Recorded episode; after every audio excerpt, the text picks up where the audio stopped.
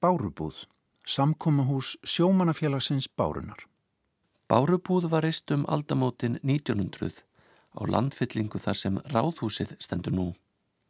Hún var samkómahús sjómanafélagsins Bárunar og þjónaði ímsum hlutverkum. Var til dæmis bæði tónleika og fundarsalur, auk þess sem þar voru haldinn böll. Sjómanafélagi misti húsið á þriði ártugnum og síðast hafði setuliðið aðsetur sitt þar á stríðsárunum, en þá kom þar upp bruni og var húsið rifið árið 1945. Þann 9. mæ árið 1919 byrti vísir svóljóðandi auglisingu. Haldur Guðjónsson frá Lagsnesi les kabla úr nýsaman í skáltsögu, óprentari, lögadaskvöldið þann tíunda þessa mánadar klukka nýju í Bárubúl. Aðgangumiðar fást í bókaveslun Ísafóldar í dag og á morgun og við ingangin. Kosta krónur 1,50. Við hlið auglisingarinnar byrtist stutt en ákvæmlega forvittileg umfjöllunum Haldur Lagsnes eftir íslensku kennarans úr einskólanum Jakob Smára. Þar gerir Jakob grein fyrir skrifum Haldurs og segir hann hafa byrt nokkur kvæði og smásugur í tímaritinu Dýravinninum undir rituundarnafninu Snær Svinni. Jakob virðist ekki álíta ljóðagerð líka neitt sérstaklega vel fyrir Halduri og það sama á við um smásagnargerð. Styrkur hans er á öðru sviði, það er skáldsagnagerð.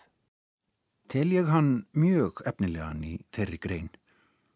Honum er sérlega vel sínt um að skapa viðburðakeðju sem heldur huga lesandans föstum og personlýsingar hans eru margar enkennilegar og skýrar. Frásögnin röð og fjörug, málið gott og blátt áfram, stefnan í sögumans er ætið hugsín idealistísk og miðar til þess að vekja um hugsunum það að maðurinn lifir ekki á einu saman brauði.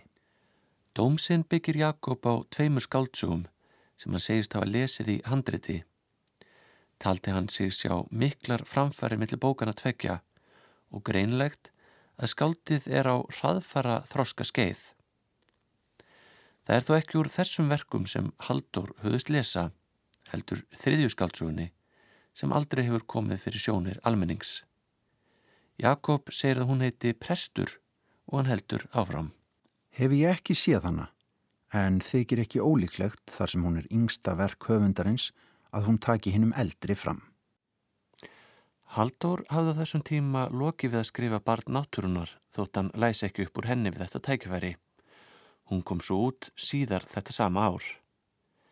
En nú höldum við í Garðastræti í Unuhús.